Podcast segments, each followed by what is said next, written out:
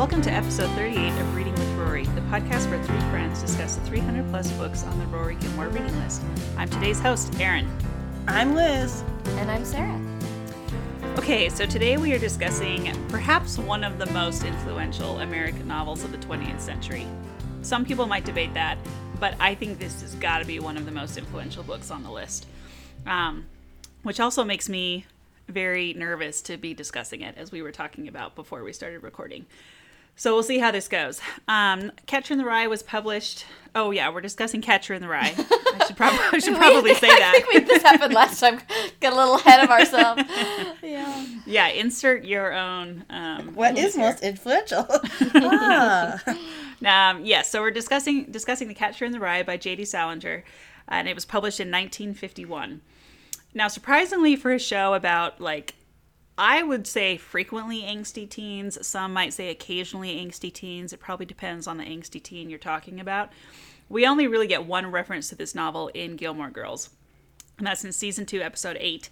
And unsurprisingly, it's in a conversation between Rory and Jess, which seems No surprise. I mean, I feel like the character of Jess is just one, like, human form of a reference to Catcher in the Rye. He is just kind of like an iteration of Holden Caulfield, but continue. Yeah, yeah, he pretty much is. So, um, anyway, so unsurprising that that's where we get our reference. But I was surprised that that's the only place we get a reference. I wouldn't be surprised if there were others that maybe we just didn't catch.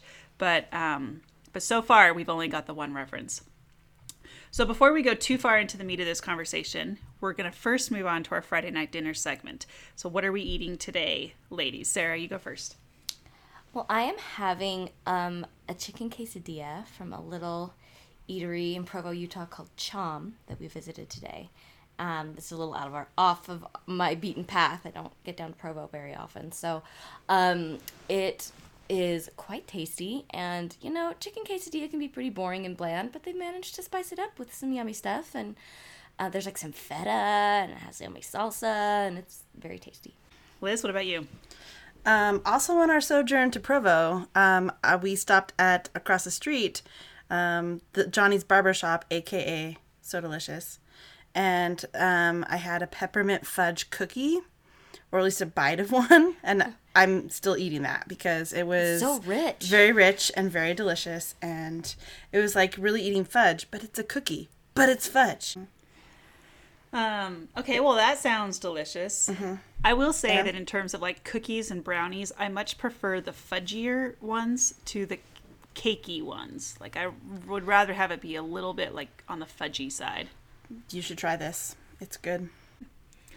All right, so Catcher in the Rye may not be quite as ubiquitous as A Christmas Carol, which we discussed in our last episode, but even if you haven't read it, you've likely at least heard of it. So, for those who know of the book but not much about it, here's a quick synopsis from Wikipedia. And I should say really quickly, like, I think I read this in high school, although I can't actually remember reading this in high school.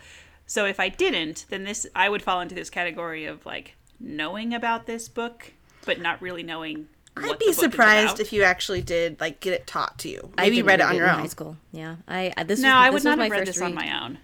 Yeah, I don't think I don't think that there's many high schools in Utah that teach it. Well, I don't know. I feel like I've read it somewhere before, but it would have been for a class because I would never have picked this up on my own just for fun. So I don't know. In any case, I mm, think You I knew may about it. Yeah, I knew about it, but I didn't really know much about the storyline before going into this. So, um, anyway, so like I said, we're going to share a quick synopsis from Wikipedia. And although we could have chosen summaries from like anywhere on the internet, including Encyclopedia Britannica, which I thought was interesting, I liked this one because of the context that it includes. I think it helps set it up. So, this is what Wikipedia has to say. In the 1940s, Salinger confided to several people that he was working on a novel featuring Holden Caulfield, the teenage protagonist of his short story, Slight Rebellion off Madison. And The Catcher in the Rye was published on July 16th, 1951, by Little Brown and Company. The novel's plot is simple, detailing 16 year old Holden's experiences in New York City following his expulsion and departure from an elite college preparatory school. Not only was he expelled from his current school, he had also been expelled from three previous schools. The book is more notable for the persona and testimonial voice of its first person narrator, Holden.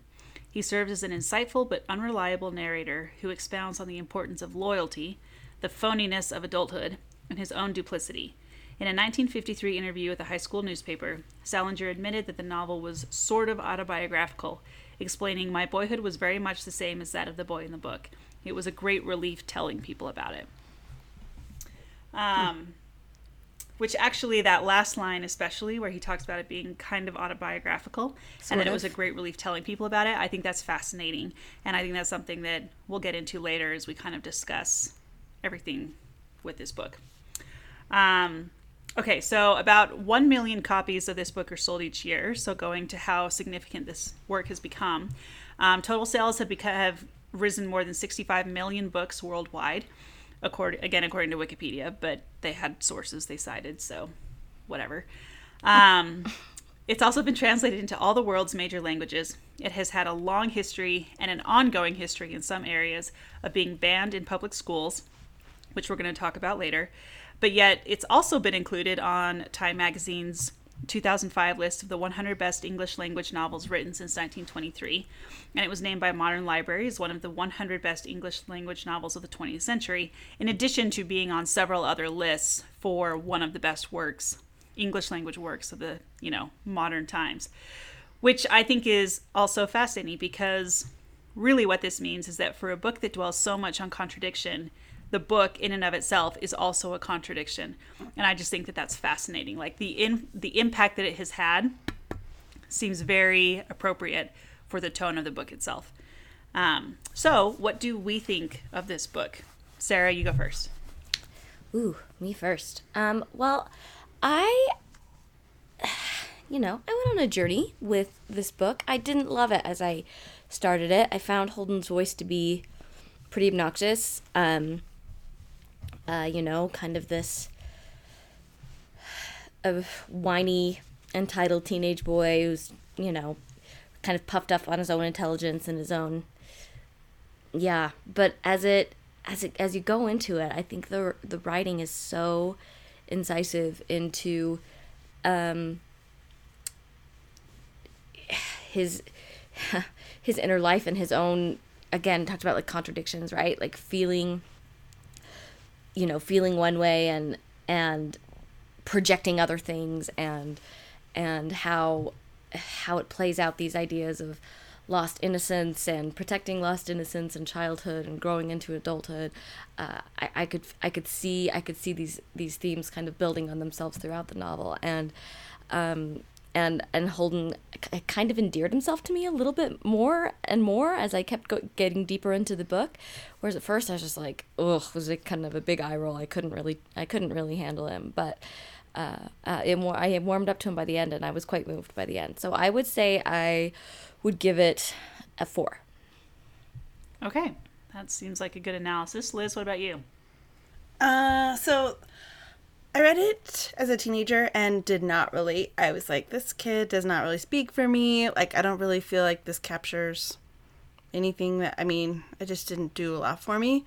Um, and then I don't think I read it with a class. I mean, I know I didn't read it with a class. And I think that if I had, I probably would have appreciated it better. I just don't think I was equipped to really do some analysis and like really plunge into what was like powerful about it. But certainly I didn't understand things that I understood this time, which was really how damaged he was. Yeah. And as I read it this time, it like stood out to me in major ways like, wow, what has this kid been through? And then by the end, like it's pretty clear what he's been not clear. It's very like you have to make a lot of inference there, but he, Yeah, you do. Well, I think sp- are, are we going to spoil the book?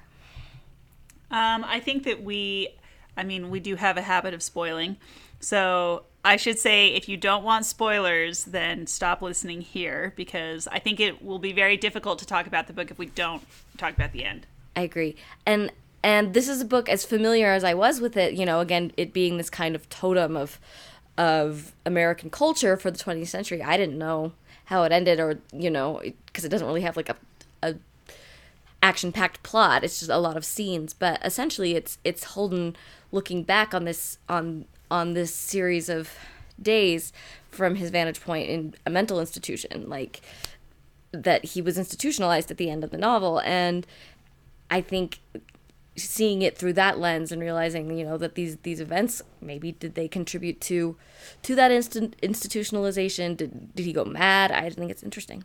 Well, and I mean, I think we do tend to think like, oh, what a whiny kid, you know, or like, what's wrong? But like, now I just feel with an adult perspective, or my, uh, I'm around a lot of teens in my profession.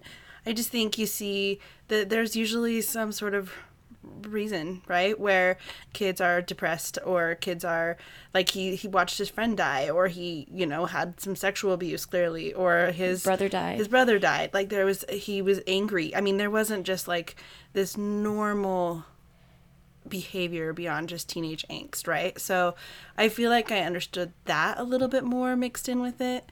And his his complaints about how things always made him want to puke or he was always like found things depressing. Like over and over all those things didn't bother me as much as it did when I was reading it the first time. yeah So, I mean, I just appreciated the way that his. I mean, I have a perspective of you know teaching novels, so I look at that with.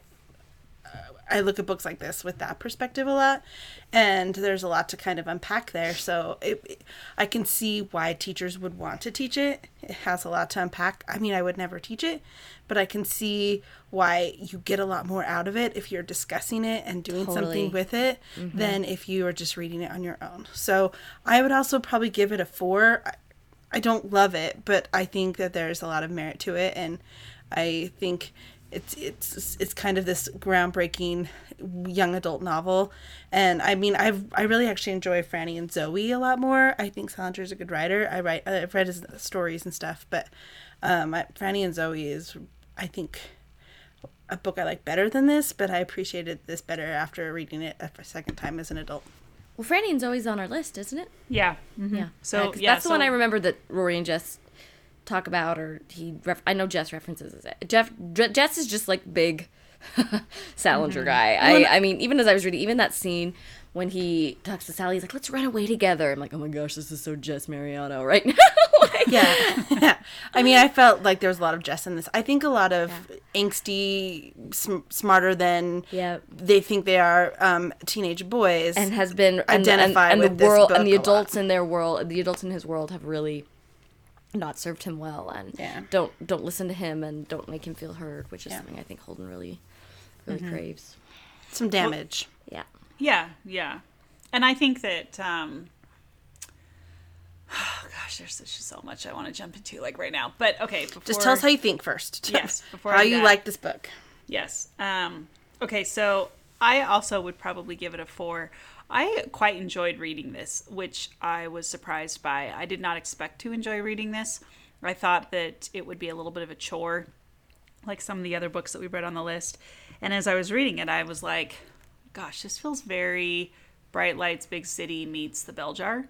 Um, yeah i can see that and it just you know it's interesting because the more you read the books on this list the better your reading skills become right and the better your ability to appreciate certain things and i thought i bet not just this list the more you read the, the better reader you become yeah well true but i thought i bet that like my appreciation for the catcher in the rye is a product of having read not long ago the bell jar and bright lights big city Yeah, and some of these other books that we've read. i totally see that i thought i thought the same thing actually about that it was very bright lights big city but yeah i like the the Bell And Jar. Bell Jar. I saw that yeah too. yeah yeah and so um anyway so i i felt like i was prepared to enjoy catcher in the rye for what it was um more than i would be if i picked it up cold and i thought okay well that's cool that's a fun um You're like, I'm byproduct of doing growing as a reader. i'm my skills are growing this is so great your appreciation for your Um, connections. Yes.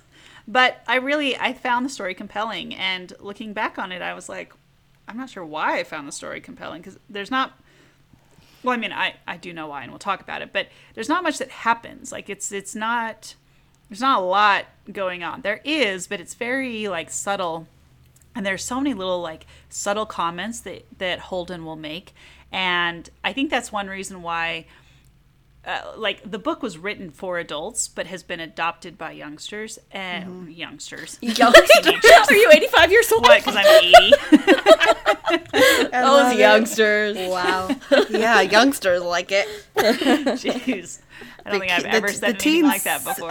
teen set. So the youngsters, tell us what they what they're up to Anyway.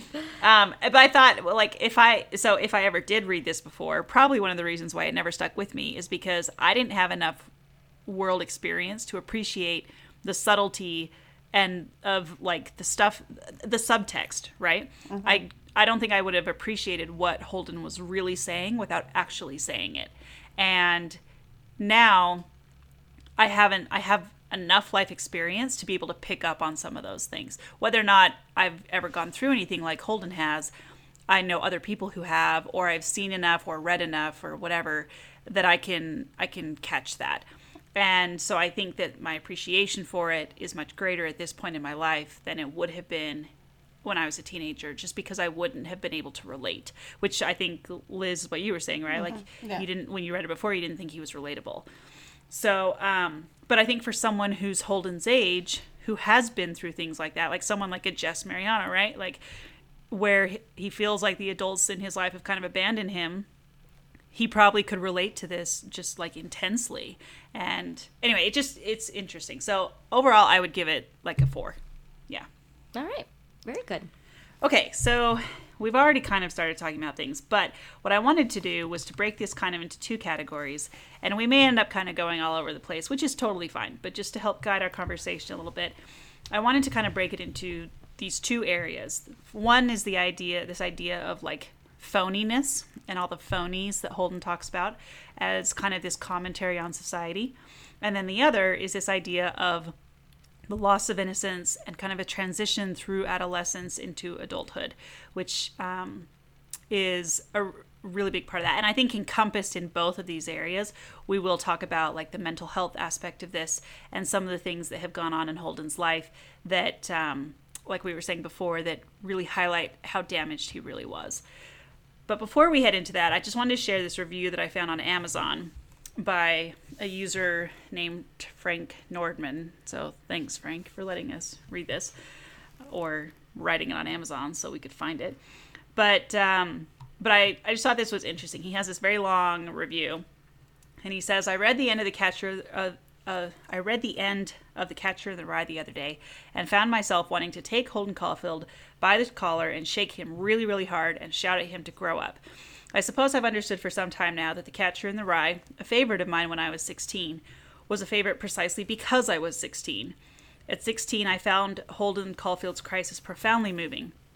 I admired his searing indictment of society, his acute understanding of human nature, his extraordinary sensitivity. I mean, come on, he had a nervous breakdown. He had to be sensitive. At 16, I wanted to marry Holden Caulfield. At 40, I want to spank him.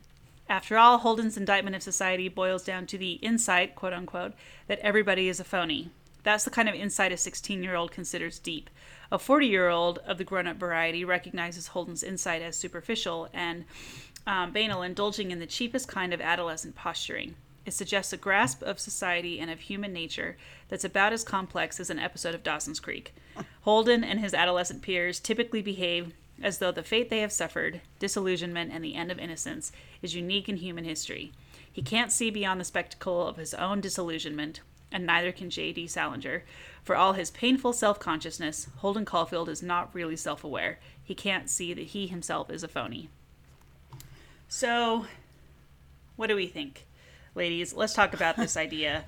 well, I think he is a phony, but I think all kids are like they're trying to figure out where they where they stand in the world, right? And they mm, can't These see who they really are, are. are new to them. There's mm-hmm. discovery of the hypocrisy of the adult world. You know, you. I think everyone has to make come to that on their own terms, and and it is going to feel like this unique discovery because it's kind of like this. You feel like you've been peddled this lie your whole life, and then all of a sudden you wake up, realize you know this is disillusionment with what it really looks like, and and so I don't know. I mean, I agree with the reviewer, but at the same time, it's like I don't think that that's like a world-shattering insight. I think that's kind of obvious. Yeah. Um, you know, it's interesting because I, as I was reading through the book, I kept thinking, Holden, I don't understand what you mean by phony. Like, I, I can't figure out what you think or how you define one person as phony and another person as not phony. And it seems like because it seems like he kind of categorized people into you're either phony or you're not. And most people were phony. Very few people were not phony. Like his sister Phoebe was not phony. His brother Allie. Like, yeah. you know, um, the kid, little kids. yeah, the kid who who uh, died, his classmate. Like those are the people who are not phony. But everyone else is phony. And I was kind of like, I don't understand what you mean by this.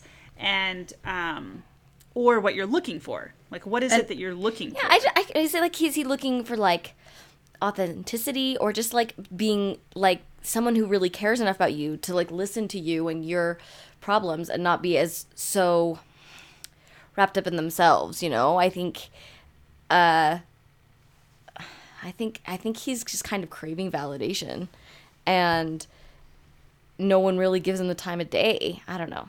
But at the same time, he talks about like movies. I want to kind of go into that later, even as we talk about pop culture, right? Like the animosity towards the movies and the phoniness of the movies and how much he hates the movies and and what an interesting idea that is, right? Like these ideas that you're being sold that about a kind of life that that it does that doesn't really exist and you know, I maybe he's just craving like someone some sense of of real authenticity of like a real human connection and not like a fleeting one. I don't know. I mean, I do think it shows his alienation or isolation, right? That he feels with others and around him.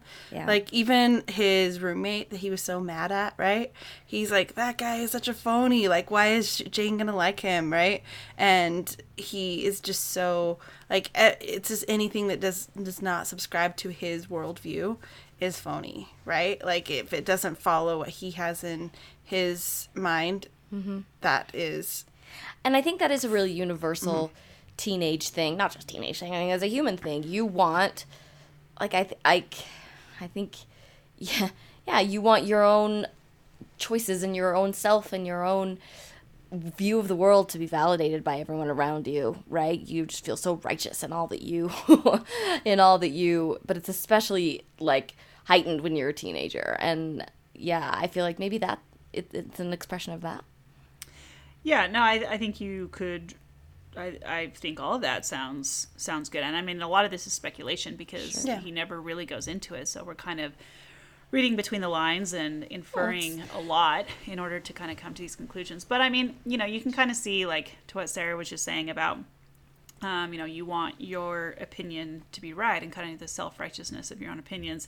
Like you even see that in a lot of dialogue today, right? Like that's one that's kind of one reason why our political discourse is so toxic right now because each side is like no my side's right and your side is just a bunch of phonies like your side is you know doing blah blah blah and i can't take any of you seriously because you're all liars but my side is not you know not full of lies I, don't- I don't know it's it's kind of an interesting you can kind of um, make it to what you want it to be right and Yeah. so when teens are reading this book or people are reading this book like if they what they want to feel is phony or their view of it they're like yeah that yeah either they're uh, agreeing with him that that's phony or they're just laughing at him that that's phony but whatever it's just they don't need to define it because we all have our own kind of baggage that comes with that idea of Yeah. what we think is phony I think also there were several times where I was like, I don't understand how Holden got to this point. Like what what was going on in his life that because other people seem to be doing okay, but he's having this like breakdown where he just can't you know, he he's bouncing from one school to the next. He's flunking out of everything even though he's clearly intelligent and his teachers think he's intelligent, but he just like you know and the fact that he doesn't want to go home he doesn't want to see his parents he wants to see his sister so he sneaks in but he hides in the closet when his mom comes in like you know and he's like sleeping in train stations on benches even though he's like blocks from his home it like i just found that really curious and i kept thinking i don't understand why you don't want to like why you're struggling so much with this like there's not a real clear explanation for that. And then I thought, well, maybe the death of his brother had a much greater impact than the story really lets on. Like, and with how much he talks about Allie, it's like, well, you know, maybe that was a big deal for him. Um, or a much bigger deal. You know, he's still grieving in in ways about that. And then like the comment when he's at Mr. Antolini's, Yeah, And- I was gonna say. yeah, and he wakes up and he makes the comment about you know like when we're when he's talking about like sexual abuse and he's like that kind of thing's happened to me about 20 times already But he doesn't come out and say it, right? no it's, it's a it's one sentence and it's a short one and if you're not paying attention you go right past it Yeah. And it's not as though like it was I mean it was just kind of like this kind of creepy overture that that this man made. It wasn't like clear as day harassment or abuse and it makes you wonder, you know, it, it, it casts an interesting light on all of his interactions with adults. If he says this has happened to me at least 20 times and he mentions it like just this tossed off casual way almost in the same way that as he when you first when you first learn of Allie's death and he's describing his baseball glove and and then all of a sudden it's he's dead now and you're like "Wh- whoa yeah, it was passive and then not. yeah yeah Um, I mean, I just think it's that's a big part of it, right? But I do also think he's also just trying to like find his identity, right? And he is on that brink of innocence, right? And adulthood. Like he can't go into the bar and drink, but he also um, doesn't want to ice skate around with the like a little kid does either, or, or ride the carousel, right? So he there isn't really a place for him to be, and I think that that's part of adolescence that probably people identify with as an adolescent when you read this book is like Yeah. trying to find your identity and where you fit in an adult world when you're not an adult and you have But a a unhealthy. Yeah. view of sex which he does and like he can't like i just think there's a commentary there so I mm-hmm. just think his relationship with sex is really interesting, right? Like he does seem kind of preoccupied with innocence, but obsessed with sex at the same time, and it, it's just kind of fascinating as that kind of ebbs and flows throughout. because he's really innocent Mm-hmm. Yeah, right? Well, I mean, and it's and it's like he wants to become part of this adult world but he also doesn't. Well, And, he you sees know, it as like uh you know pervy is that yeah, word. all perverts everywhere. Yeah, mm-hmm. But but he'll ask his classmates a ton of questions about sex, right? Like he's mm-hmm. always wanting he's asking them he's always asking them questions and he but then he like he also can't go through with it himself and he gets like absolutely horrified when he thinks about Jane um having sex. Yeah, yeah, sleeping with his roommate. And so it's I don't know. Yeah, yeah I agree. I think it's and really thinks of her in this really childlike way, right? And like how she plays checkers. Yeah. and kind of wants to think of her in that context and gets really upset at the idea of her with his roommate. Yeah. Well, and- for good reason. Remember the line? It was something like, um, how he like the roommate like most girls will tell you to stop, but he just keeps going. But Oh, Holden so- will stop, and I'm like, well, that's a troubling statement, right? Like if he knows that that's, I mean, first of all, that's tossed off like no big deal. Like this is what it's like, but then also it's also tossed off like, um. He should be scared of his roommate. He has yeah, good his reason. roommate sounds like a predator. Yeah. mhm. so Yeah. Um also something I did not catch when I first read it. yes. Yeah. Yeah. It uh I was going to say something and I forgot what it was. But anyway, okay. But I mean, Um, we're, we're kind of now moving into that innocence idea, Yeah, yeah. right? So, Well, and I think that I think it's so interesting the way like the way they describe his relationship with each of his siblings. You know, like it's clear that he really has looked up to and respected his brother DB, but the minute DB goes to Hollywood, it's like he can't he, you know, he feels like DB is like a sellout and that he's become this phony because he's writing for movies. And, you know, that kind of gets into the movie conversation a little bit, but you know, then he then it talks about Allie and how he just sort of you can tell he just had this real affection for Allie and this like real bond with him. And then Phoebe and just the way that he, you know, sort of almost idolizes Phoebe and tries so hard to protect her innocence. Like he just he clings to Phoebe's innocence. And um I don't know. Yeah, or even just like there were a few um, mentions throughout about how it makes him happy that things stayed like in the museum, the Natural History Yeah. Museum. He was happy that it you know the things were in, in cages and things were in behind glass and they always stayed the same or like the carousel and the songs always is the same right like he's just this almost this sense of nostalgia when you're not even an adult yet it's you know kind of sweet Yeah. Well, like and one of his the fear things for that- becoming an adult is th- clearly there. yeah Yeah. Um, but one of the other things I kept thinking about when I was reading the book is like I don't understand what the title is supposed to mean. Like I am not sure where this is going. oh going. yeah it's and then they get to the paragraph. So I just want to read the paragraph where they talk about this, and um, it's when he's talking to Phoebe. Um, when he's he's kind of snuck into his house to talk to Phoebe, and he says to her, um, he says, "You know that song, if a body catch a body coming through the rye, I'd like." And then Phoebe says it. It's if a body meet a body coming through the rye. Old Phoebe said it's a poem by Robert Burns, and then Holden says, "I know it's a poem by Robert Burns." And then he goes on to say, um, anyway, I keep picturing all these little kids playing some game in this big field of rye and all. Thousands of little kids and nobody's around. Nobody big, I mean, except me. And I'm standing on the edge of some crazy cliff. Crazy cliff. What I have to do, I have to catch everybody if they start to go over the cliff. I mean, if they're running and they don't look where they're going, I have to come out from somewhere and catch them. That's all I do all day. I'd just be the catcher in the rye and all. I know it's crazy, but that's the only thing I'd really like to be. I know it's crazy. And uh, and I was like, oh, that's what the catcher in the rye is. Okay, I get it. yeah he wants to protect people right Yeah, he does. But it, again, it makes me think like, what's happened to him in his past that makes him feel so like desperate to protect other people and to you know like even the kid at his school that he um that who died you know the fact that like he gave the kid his turtleneck and he was so worried about him and this kid just got bullied and bullied but he would never back down and it ends up leading to his death. And um i don't know i just um I just thought like he must have just had like a very traumatic childhood or must be having a very traumatic adolescence to feel such a strong desire to like protect all the all these other children. Yeah. And clearly there's also some mental illness, right? Like I mean depression for sure. Oh right? yeah. Like And there's anxiety.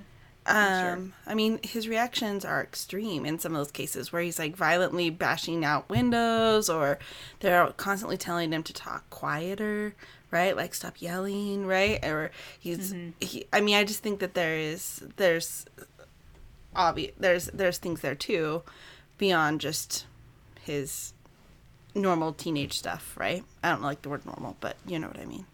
yeah Well, he just seems so lonely. I mean, it's like everything he does, he's just like desperately trying to find someone to connect to, Yeah. which I thought was interesting. Like he's just absolutely desperate for human connection.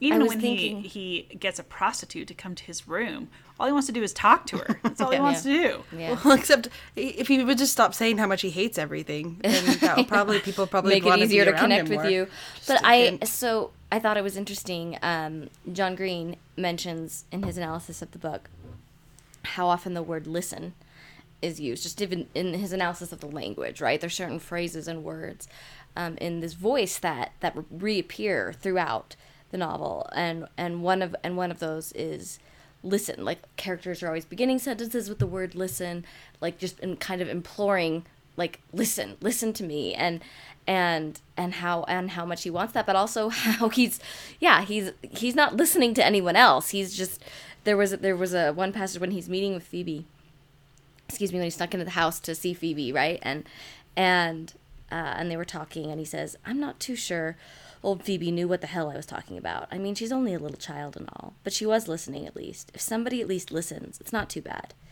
Daddy's going to kill you. He's going to kill you, she said. I wasn't listening, though. I was thinking about something else, something crazy. And I just thought that was really powerful in its. Uh, ah, what's the right word? It's symmetry, or it's, you know, the mirroring of that, you know, he's just begging, craving for someone to listen. But he won't And- listen to anybody But he won't listen. and It's like those contradictions they talked about too. I like the one where he's like his English teacher is like, "Well, um, you should have gotten a bad grade for digressions." Like the whole book, he's like digressing Yeah. constantly. Exactly, Like, that he was can't such an even interesting meta. Stay on focus for even a little bit. And the teacher's like, "Uh, yeah, no kidding." but also I thought he's uh, what you know he ki- it was kind of like this thesis statement for the book. Like sometimes you start out I, maybe I really related. This was the most I really related to Holden, where you start telling one story and then you digress because something seems more interesting, and maybe that's where you were originally going in the first place. And so you um, and how frustrating that would be, and how he felt for people when you know the class shouts you down every time you digress, and you get an F because you digress too much. I would fail in that class for sure. See, I'm reading it and I'm like, "Stay on point." Ah! like I But felt did like I was that, reading that's dialect you- like Huck Finn That's how you find the point. I don't know. I felt I felt you, Colden. Hol- Colden. Holden. I felt you a lot there. It was. Uh, See, I related to the teacher. The teacher's like, yeah, but there's a time and a place. And I was like, yeah, if you're in class and you're standing up and giving a speech on something, stick to the darn point. Like, you know, talk about what you're talking about. But otherwise, like, you know, if you're, you know, up, there are places where it's perfectly fine to digress and that can lead to a lot of creative thought. So well, I think that's what this book illustrates, right? Mm-hmm. Is it is digression on top of digression, and I think it kind of uncovers these layers and uncovers his feeling and uncover his emotions, and in this really beautiful way. I feel like I was just saying it is like a it's written almost in this kind of dialect of a teen, like the way Huck Dialect, Finn was. that was the word I was right? thinking. And so, But in a different context. Oh, anyway, Yeah. sorry. I was thinking like dialectical. Sorry. Continue. Well, yeah, now I don't remember. But anyway, I was just saying. Oh yeah, I was saying it just reminded me like the way it was written. People, I think at the time were kind of like, "What is this language?" Right? We don't talk like this, and I think more and more books have kind of adopted that style. So it, it's more we're something more used to it. But it was definitely, I think, when it came out, uh, much more uh, unique and I think it was often compared to like Huck Finn and to the dialect of what people would have been talking about or how they would have talked. Yeah, it was like it was colloquial, right? yeah. yeah. And dialectical. Good job, Sarah. That's Well, the no, I looking was thinking of it in a totally different context, right? Like a dialect, like like Two things. like Hegel's dialect. Yeah, kind of like two opposing things that are like juxtaposed. for. Anyways, Yeah, I get it. You were digressing off of what I was saying. I, I wasn't sorry. I um, see what happened there. I was just bringing it back to focus, like the Thank English you, teacher. thank I- you, thank you, Miss Thomas. Are we going to talk about why uh, this inspires people to kill? Because that's a thing. Yeah, so in terms of like impact of the book, at least like three murders or attempted murders have been sort of like tied back well known. Yeah. Yeah, like well known ones. And one was um, Robert John Bardo's murder of Rebecca Schaeffer. Another was John Hinckley Jr.'s assassination attempt on Ronald Reagan. And then the third was Mark David Chapman's shooting of John Lennon. And in all three cases, the they either like pointed back to Catcher in the Rye as sort of like feeling the need to like kind of personify Holden, or they had like a copy of it with them or near them or you know something like that where they were the book was tied to them and kind of to that incident. So yeah, which is really interesting. Right? Because kinda as I. I don't feel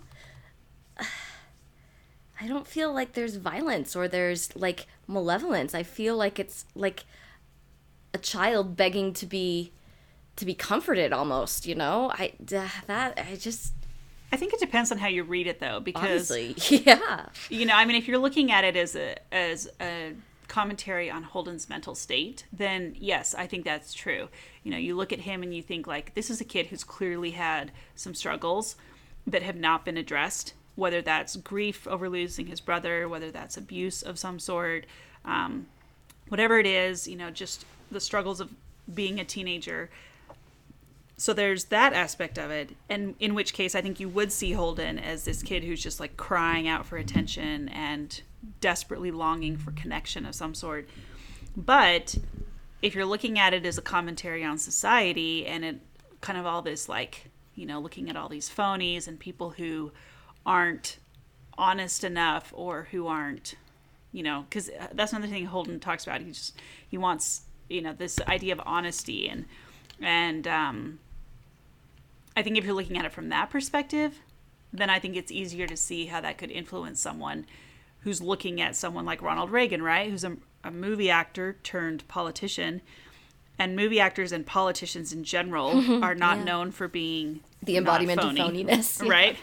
But you combine an actor into a politician, like I think you know, I don't think it's difficult to see how that could, you know, or looking at someone who's a sellout, like someone could look at John Lennon and say you sold out, or I- you know, I don't know. I don't think it's that difficult. I mean, I think from that I, perspective. it- at the same time, it's like it, it is an interesting question mark, but also people who kill people aren't exactly the world's most rational, clear thinking, not necessarily in their right mind. You know what I mean? So their their clear sighted analysis of Catcher in the Rye isn't something I would I would rely on, but it's uh it's an interesting wrinkle, that's for sure. It is. Well, and, and the history of it is really interesting too. Like, we haven't really talked much about J.D. Salinger himself, but he was quite the character. I mean, he like he. I mean, he was kind of a Holden Caulfield, you know, and and they like we talked about at the beginning. He kind of described this book as semi autobiographical, and um, one of the things I read and and that we looked into is that, that he like he had seen a lot of war he had been in World War II. He'd been on Utah Beach at D-Day. Um, he'd seen concentration camps Didn't he, right like, after fight in the Battle they of the Bulge. Yeah. yeah, like he. I mean, he was heavily involved in a lot of the major, major battles and elements of World War II. And he came home and Wrote this. ended up writing this. or he you wrote know? other. I mean, some other stuff he wrote too is interesting. This but is yeah. his his most well known, yeah. but yeah, this is his most well known. And he, um, and and after this, he kind of stopped writing things too. Like he didn't. He kind of became a recluse. He didn't want the fame. He didn't want the notoriety. He, eh, like, I don't know. I think it's just really interesting to see Is he someone still alive who- or did No. he die? No, he When- died. But he didn't. It wasn't that long ago. it was like ten years ago. Okay. Yeah. So I don't know. For like for someone who had gone through that much to write a story like this, where Hold on, there's wouldn't not have been really funny if that he was much still that alive if we got him to be on the podcast. I just thought of that. Um, well, my friend, All 12 people that listen My- to us, he's my- like, my- yeah, okay, that I sounds had, about I, right. I had a coworker or a friend, right, who um, was from New Hampshire, and she would like talk about how she'd go into like the quilting store that his wife owned, and she's like, we always kept looking out for Salinger because, like, I mean, that was she was kind of a English teacher stalker too, but you know. Gotta love it. but she would brag about how she was from Salinger's town because, Interesting. of course, we'd appreciate it. Yeah. Yeah. I mean, I knew he, he, he, yeah, he was this famous recluse. And, and I mean, you can imagine Holden Caulfield growing into a weird recluse that lives in the woods, you know what I mean? Well, he says that's what he wants to do. He wants to go yeah. get Sally and go run away to some cabin where they can have kids and homeschool them forever and never deal with society again. Worked out well. Yeah. And I'm like, oh, well, it's clear why Sally thought you were crazy. Like, that's, She's like, um, "Hmm, not for me, but okay. yeah. uh, one other thing I wanted to bring up was uh, the But is it idea. crazy? Anyway, continue. Just based on his experience, I probably would want to live a, a life away from all these elements of the world that let me down. But continue. Yeah, but if you're if you don't see his inner thought process and all you hear is his conversation, like he he didn't have he wasn't great at social cues. Oh, no. And Yeah. you know, like interacting with other people. Like he didn't you know, he like with his roommate Stradlater, like he just kept pushing him to the point where Stradlater beat him up. Yeah. And he just and with Luce when he meets Luce at the bar. he's just, just like, kept so how's your sex life? I'm like, oh boy. yeah, and he just like jumps into it. And I'm just like, what the heck is wrong with you? Like, no, I'm Clearly, didn't know how to. I think that's part of his problem. An awkward kid, and doesn't know how to talk to people, and he didn't grow up well. Yeah. Um, I also thought that the the last line of the book was really interesting. Um, when he's so he's writing from this men- mental institution, and he says, um, uh, "Let's see here."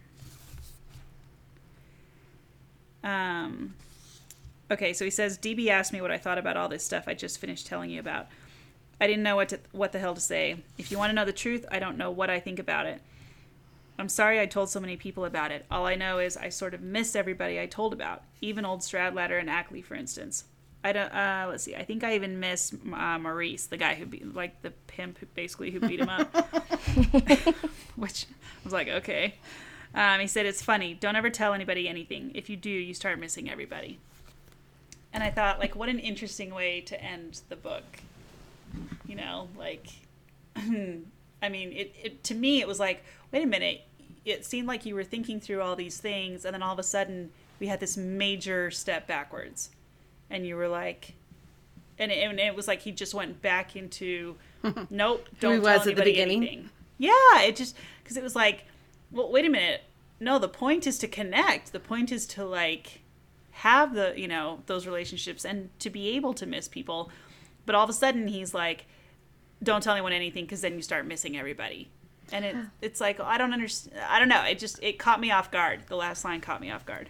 I feel like he's he has this persona of like he doesn't want to be a phony, right? And so he or he sees things as phony, and so he, it, there's always this like ironic distance that he's trying to put on and so he's like oh no i just like put too much out there so i'm just gonna like so so there's my story sort of see it i guess i would do it again like it's almost like this voice of um, ironic distance that he's trying to put put on I mean, he does it all the way through the book too, but I just think that he, it's almost like he can't be real a hundred percent because he himself is phony, right? He doesn't know how, to, he doesn't know who he is or how to be himself.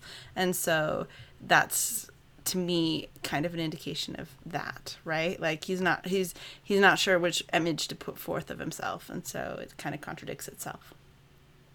Yeah. Anyway, I don't know. I just thought it was it was an interesting. It was just it was just an interesting way to end the book. Um, okay, so let's move into pop culture. Now, this is really going to be more of a like impact this book has had on society because they're like with you know other stories like Christmas Carol. There are kind of too many places that this has shown up to count Except them not all. in a movie. Not in an adaptation. That's a Except- notable. right yeah. except not in an adaptation so before we get to the adaptations i want to talk about the book bannings really quickly and Oh, yeah. censorship of the book so between 1961 and 1982 catcher in the rye was the most censored book in high school and libraries in the united states and in 1801 1981 it was both the most censored and the mm. most taught book in public schools in the united states after well and let's see the only other book or I think it it ended up beating out of Mice and Men by John Steinbeck. It's also been on the list of the top 10 most challenged books as recently as 2009. So I think it I think this you know like challenge that they're taught in school, like parents. yeah yeah yeah it? where Yeah, parent okay. where they're taught and like parents end up challenging it. Um, and reasons for that include, you know, concerns over the language, sexual references, blasphemy, undermining of family values and moral codes, encouragement of rebellion, promotion of drinking, smoking, etc., etc. And um, but I just think it's fascinating that this book has gotten so much attention and been so has gotten like such violent response from parents. And Liz, you said at the beginning that you would never teach this book, and so I want to ask you why. Um, well, mostly because I feel like uh, there's discussions I wouldn't. Well, I mean, I also teach seventh graders, so I wouldn't teach it to seventh graders. But um, in high school, there's discussions I probably wouldn't want to have with teenagers. I would. That's a lot of weight to carry, right? And so I, I, I feel like. Um, especially especially the ones where you know he's talking about the sex or about um his his his like losses and things like that i think that that would be kind of a hard thing to kind of navigate for some kids and especially kids now because they everyone comes in with their own baggage right? And so you never know like what other kids have experienced and so i don't know. I just feel like it wouldn't be worth it wouldn't be worth the the challenges. Like i have to find some merit in teaching it beyond why tell a parent why all those things are okay to teach if i'm if i'm going to teach it and i don't know i just don't feel like it would there's enough payoff there's other books i could teach that um, teach the same thing without there being the same sort of controversy. Sure, sure. And I also think that there's like a lot of better books. I mean, here's my other gripe with it too is I feel like for me personally, when I was reading it, I didn't relate to it in a way that like this is and I feel like the people who do really relate to it are kind of these angsty teenage boys, right? And I feel like I don't like that that's not necessarily the crowd I have to cater to when I'm trying to teach a book, right? Like I think a lot of people wouldn't relate to it, right? There's this like prep school um, dropout, like indifference to education, all sorts of things like that that I just don't really think a lot of kids would necessarily who are trying to go on and better their lives in it, you know, other ways are really looking to relate to. But at the same time, I also think kids do relate to it. They just don't want it to be taught. This is the other reason I think. It's kind of like an anti establishment book. And to teach it in a classroom is like the ultimate establishment thing to do. Like, here, everyone, let's read this together as a common experience, which is going to be the best way to read it because you get a lot out of it. But it's kind of contradictory to what a lot of the kids who would identify with it would actually want to do. They wouldn't want to read it with their English class. They want to like discover on their own and like unpack it on their own and talk about it and be mad at the teacher because the teacher's ant- establishment, right? And phony. So like I just feel like I'm making a lot of you can cut a No, lot that of makes that's real. That's really interesting. I think you're totally right. like I just there's some reasons I wouldn't do it, but there's also a lot of good things about it, like language wise and theme wise, that I think you can pull out of it as a teacher, and so I'm sure teachers are super excited to do that at the same time because there's a lot to do there, and you can get a lot of things out of it, and kids do it is a rich text. I think talk that there- about it. It's a good. It's a good example of, if you know, for literary analysis, just on the language alone. You know. At the same time, I also think it's kind of a forerunner for a lot of YA novels now, and um, all the stuff it's mentioning, like drinking, smoking, lying, promiscuity, all that stuff. Yeah, that's in all the books they're it's reading like anyway. every YA novel now. So this isn't even going to have shock value to them at all. Like they're not going to read this and think, "Oh, that's inappropriate," right? Like parents might, they might not want their kids reading it, but that's like every young adult novel pretty much out there now almost so like i don't really feel like it's like i think there's books that we that teens read on their own now and books that they read in school and it's interesting to see what like what where that kind of falls that's all i'm saying hmm. Interesting. i don't know That is so interesting because there's so it's true. i There's think there's so better much- books to read too Yeah, yeah. But I do think you're right. There's so much power in finding in discovering something yourself and really connecting to it, right? And um and I think that's kind of what initially made this book a phenomenon to begin with. It's not like it was taught in schools. It was kind of discovered on a personal journey. but it was taught in schools clearly it was one of the most In taught the books in public no in well I mean, in the teachers teachers to- had to resign over this Mm-hmm. because there was such violent, you know, backlash against them. Well, here's how I feel it too. I feel like a teacher, an English teacher in the 19 like uh, someone who was an, an English teacher in the 60s or 70s or 80s uh, was reading Catcher in the Rye and was like, "Yes, this is my book," right? And then they want to go on and teach it, and then they, you know, I just think that we've come a long way since then too. That Yeah, there's been yeah. other other There's- things to to explore, and I think a more diverse, um, a diverse palette of books to choose from as well, right? Like, let's not just talk about this entitled rich kids experience when there's so many other people's voices we want to hear from as well. yeah. Yeah. It kind of had its day. Is that what you're saying? Uh, I mean, Well, clearly not because it's still selling. but know. I think that most, I mean, maybe, I, I think some people will still teach it. Don't get me wrong, but like, I would be surprised. Like I said, I'd, if if it's really something that English teachers are like still pushing hardcore. I don't see it a lot in stuff. Interesting. Interesting. I'm fascinated. Um, okay, well, moving on to movies. So we've sort of been dancing around this for much of our conversation, but um, interestingly, there are no movies that have ever been made of the book. That's because J.D. Salinger never sold the rights. In fact, he adamantly refused to sell the rights several times. Um, a couple of so in 1961, um, they wanted to adapt the book for Broadway, and Salinger said no. And then others like Billy Wilder, Harvey Weinstein, Steven Spielberg, Jerry Lewis, Marlon Brando, Jack Nicholson, et cetera, et cetera, have all tried to get the rights for this. None have been successful. Um, so Salinger, in a letter that he wrote in 1957, he said, "For me, the weight of the book is in the narrator's voice, the nonstop peculiarities of it, his personal, extremely discriminating attitude to his reader-listener, his asides about gasoline rainbows and street puddles, his philosophy or way of looking at cowhide suitcases and empty toothpaste cartons. In a word, his thoughts. He can't legitimately be separated from his own first person technique. It would take someone with X, quote unquote, to bring it off, and no no young man, even if he has X, quite knows what to do with it. And I might add, I don't think any director can tell him. But then he also says, however, that it is possible that one day the rights will be sold. Since there's an ever looming possibility that I won't die rich, I toy very seriously with the idea of leaving the unsold rights to my wife and daughter as a kind of insurance policy. It pleasures me no end, though, I might quickly add, to know that I won't have to see the to know that I won't have to see the results of the transaction. so It's a handwritten um, letter too. You can like see it. Interesting.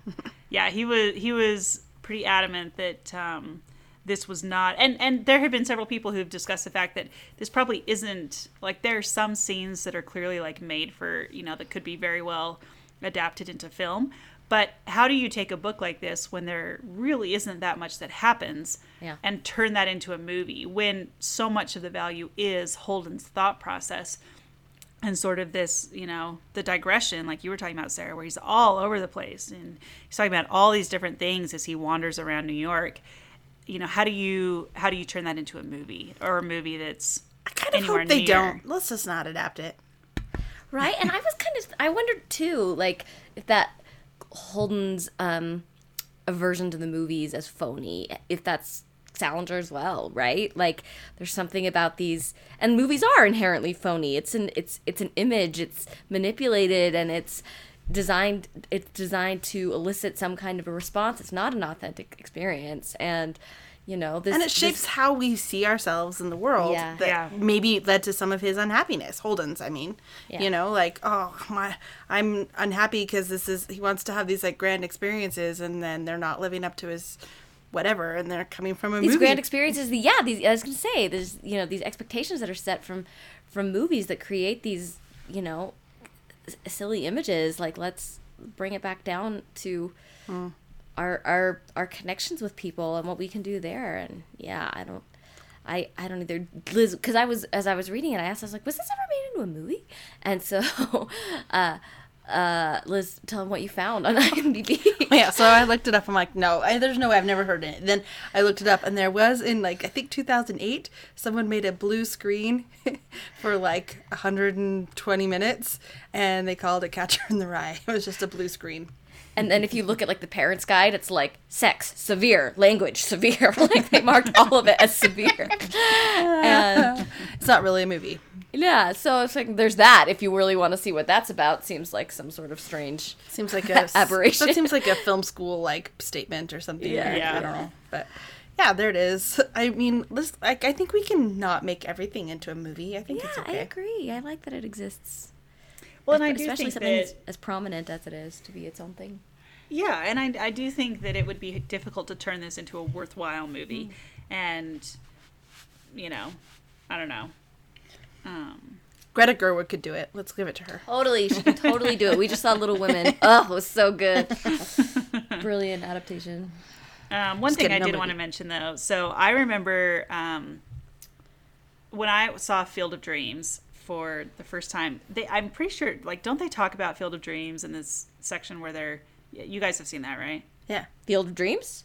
Yeah. Yes, yes. Yeah, the Right. Thomas Mann was supposed to be him, right? well Terrence Mann, yeah. Terrence, yeah, So yeah, yeah. so the movie Field of Dreams is based on the novel Shoeless Joe, which includes J.D. Salinger as the novelist, who in the movie ends up becoming James Earl Jones's character Terrence Mann.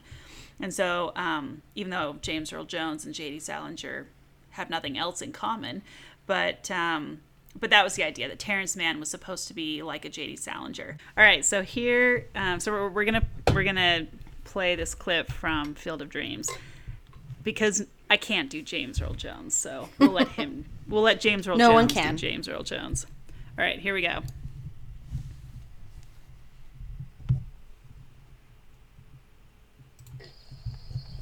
People will come, Ray. They'll come to Iowa for reasons they can't even fathom. They'll turn up your driveway, not knowing for sure why they're doing it. They'll arrive at your door as innocent as children, longing for the past. Of course, we won't mind if you look around, you say. It's only $20 per person. They'll pass over the money without even thinking about it. For it is money they have, and peace they lack. Ray, just sign the papers. Walk out to the bleachers. Sit in shirt sleeves on a perfect afternoon. They'll find they have reserved seats somewhere along one of the baselines. Where they sat when they were children and cheered their heroes. And they'll watch the game. And it'll be as if they dipped themselves in magic waters. The memories will be so thick have to brush them away from their faces. Ray, when the bank opens in the morning, they'll foreclose. People will come, Ray. You're broke, Ray. You sell now or you lose everything. The one constant through all the years, Ray, has been baseball. America has rolled by like an army of steamrollers. It's been erased like a blackboard, rebuilt and erased again. But baseball has marked the time.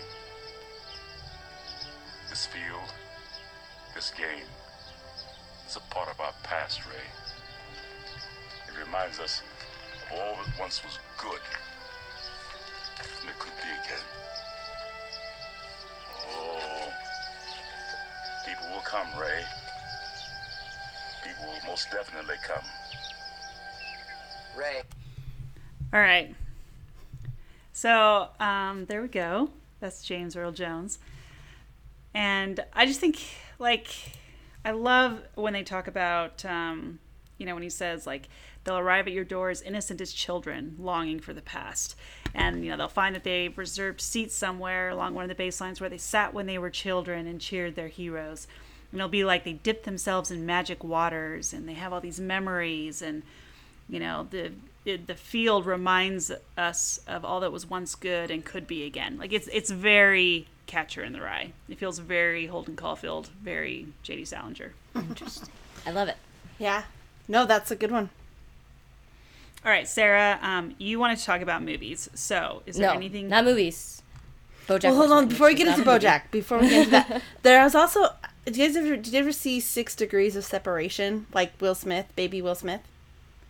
No but um but i know about it There's like he gives a speech on how like, um, Catcher in the Rye. He gives this like monologue. He's like a prep school kid, and he's talking about how like.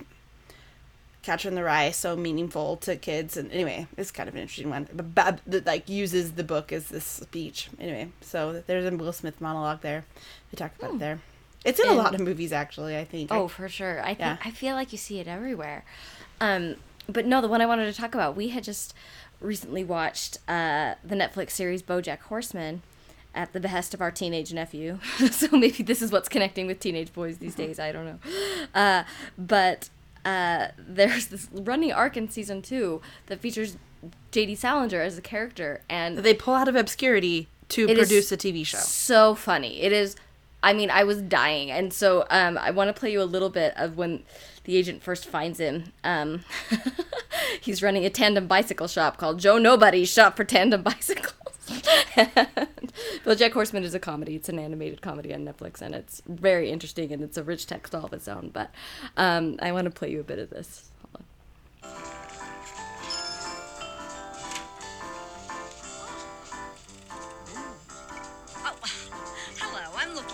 No looking allowed. This store is for customers only. Okay, then. I would like to buy a bicycle. What would you recommend? One with a bell or. All right, you got me. I don't know anything about bicycles. I'm J.D. Salinger, and I fake my own death. Mr. Salinger, such a pleasure. Princess Carolyn, big fan. Let me guess. Catcher in the Rye. And others. I want to say The Hobbit. Nope. Look, I'm an agent. It doesn't matter whether I've read your work. What matters is I can look you in the eye and tell you I'm a big fan. The world is ready for your comeback, and I want to help. Nope, thank you, not interested. Did that before, didn't work out very well. The fans were relentless, the critics were cruel, and that's why my motto is it's better to be alone, which Come to think of it, it's probably why I don't sell a lot of tandem bicycles. But J.D. Salinger, you are J.D. Salinger. You are a goddamn American treasure. But every time I go out in the world, people hound me about my books. Well, book. What if I told you there was a place where no one reads books? I'm listening. A place where people only read headlines, lists, and pictures. A place where people hate reading so much they hire others to do it for them and don't even pay a living wage. What do you mean, like modern reading slaves? Exactly. and all those modern reading slaves really want to be doing is writing things that one day other people will also avoid reading. Does such a place truly exist? Come with me, J.D. Salinger. Let's go to Hollywood.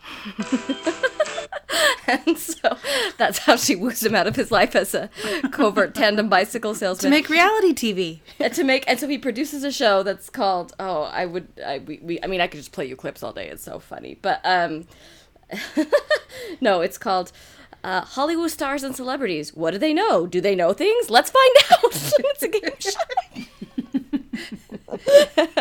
so I love the idea of you know G.D. he Salinger faked his own death. yeah the, the, but this protector of all things authentic and pure and you know like calling out of the phoniness. I mean, it's pretty brilliant. So I would recommend uh, checking that out. It's wonderful. Um, on that note, in terms of other things, so there's an entire page on Wikipedia called "The Catcher in the Rye in Pop Culture." We'll just let you go find that. Yeah, just check it see all the other places. And if it's not a reference to Catcher in the Rye, a reference to Holden Caulfield is probably right there with it, or in fact, probably um, more common than references to Catcher in the Rye as Yeah, just um, like Holden's so ubiquitous now that like Yeah. we know what it's talking about. hmm yeah. I mean, it's everywhere. So yeah, you know, just kind of wanted to call out some of our favorites, but I There's some songs. There are some songs. We won't play them here because we played the clips, but um, Green Day, big surprise, has a song called Who Wrote Holden Caulfield, which when I found that out, I was like, of course. If Green Day didn't have a song about Holden Caulfield, I would feel very upset about the balance of the universe. Um, Offspring and Beastie Boys too. Call them out. so, yeah. There you go. Um, even Billy Joel's uh, We Didn't Start the Fire has a Oh, reference yeah. in it. Uh, there's also a Little Shirley Beans song, so the record that Holden gets for his sister Phoebe, Little Shirley Beans. Um, you can't find it, at least I couldn't find it on Spotify anywhere, but you can find videos on YouTube of people singing Little Shirley Beans. And I mean, I don't even know if this was a real song. I could not find like the artist that he cites in the story. So I think it might have been a made up thing, but there are people who have if it was, then there are people who have turned it into a song. So Which blows my mind. That blows my mind. If you take a reference that small and turn it into something, I there's, know peop- there's some devoted fans out there with a lot of time on their hands. It's true.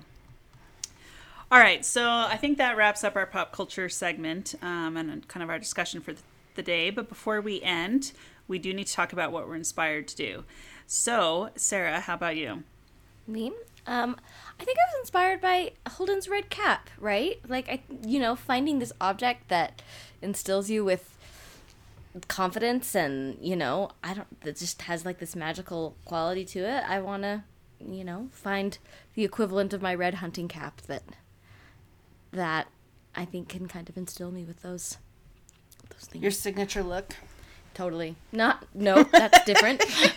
but also, I mean, I guess it would be part of that. we do certainly um, associate Holden Caulfield with the red hat. So, um, but I, I don't know. I like the magical qualities to it. So I want to find a, uh, I want to find something Okay. like that for myself. Liz. Um, I mean, I was gonna make a dark joke about assassination, but I won't. This does get put out there into the universe. So keep- keep I'm gonna carry it around with me everywhere. So no. Um, Your manifesto. truly, it made me want to reread Franny and Zooey. So I'm glad I get to. you Yay! get to. Um, so for me, I decided that I needed to get better luggage. And this All goes right, back can see to Holden's discussion on like the cowhide, like the oh, nice the class suitcases. Yeah, how one hides under his bed. Yeah, like how his Roommates need to have would the same the same kind of luggage Yeah. for to be on equal footing. That's some good commentary. Good one. Yeah. Um. Anyway, so and I was thinking about that because I had this one bag. It's like a carry-on bag, and I really like it. It's kind of like it looks kind of like a Mary Poppins bag, but it has wheels on the bottom. and um, you know like a long handle so you can roll it. But the wheels, oh my gosh, they are so loud. and anytime I'm traveling through an airport, or like when I get on one of those moving walkways and I'm walking, it's just like like it's just this very very loud noise, and I'm so self conscious about it because I'm like no one so else. low I don't. class I, of you. I know. It's like uh, no one else around me has a suitcase that's making this much noise. But for some reason, my wheels just must be made of like very poor quality materials and are making this like I don't know grand noise level as I walk through the airport. They airport. announce you. They announce your presence. So, like, if we It- were it's true, Holden really level friends, we would like make loud noises too as we traveled with you, so you wouldn't worry about it. Yes, well, if you're ever in the airport with me um, and I have that bag, you'll know what I'm talking about. So I thought, okay, as soon as that bag and like one of the snaps on the end is kind of broken, so it kind of like drags on the ground. And I thought, ah, you know, at some point, I'm I'm frugal enough that I don't want to replace it because the rest of the bag's great. But when I do replace it, I need to just like invest in Get a good bag. quality luggage. Yeah. We we could like spot, have Away sponsor us and be like, get you some Away. Man, away is controversial right now. I know, I know. How about we just got my mom some Calpak that um, Oprah recommended. It's pretty nice. Yeah, that's what we got her for Christmas. I mean, I'd take Samsonite. Like, you know, we don't have to. No, no, no. I have an away bag actually. I mean, mean CEO notwithstanding, and I really like it. It's been it's been a good friend to me in my travels. Well, we'll get you some good luggage, Aaron. that's that's my takeaway from this whole conversation. I love it. I mean, if you want to be on this, like, if we're going to be able to travel together, like according to Holden's thesis, I think you maybe need to take what we have to say about like our recommendations. on Sarah has an Away bag, so you take that and go from there, okay? Be- I'll hide mine and use Sarah's. There we will use Sarah's to charge our phones. Um, all right. So uh, that wraps up our conversation on the Catcher in the Rye. What did you think of Catcher in the Rye? Um, tell us. Come find us on Twitter, Instagram, and Facebook at Reading with Rory, or join our conversation on our website at readingwithrory.com. And if you find references to Catcher in the Rye or any of our other books in anything that you're watching or listening to or reading, please let us know. I mean, even in the very, very beginning of this book, there's a reference to David Copperfield, which is one of the bo- works that we're going to be reading.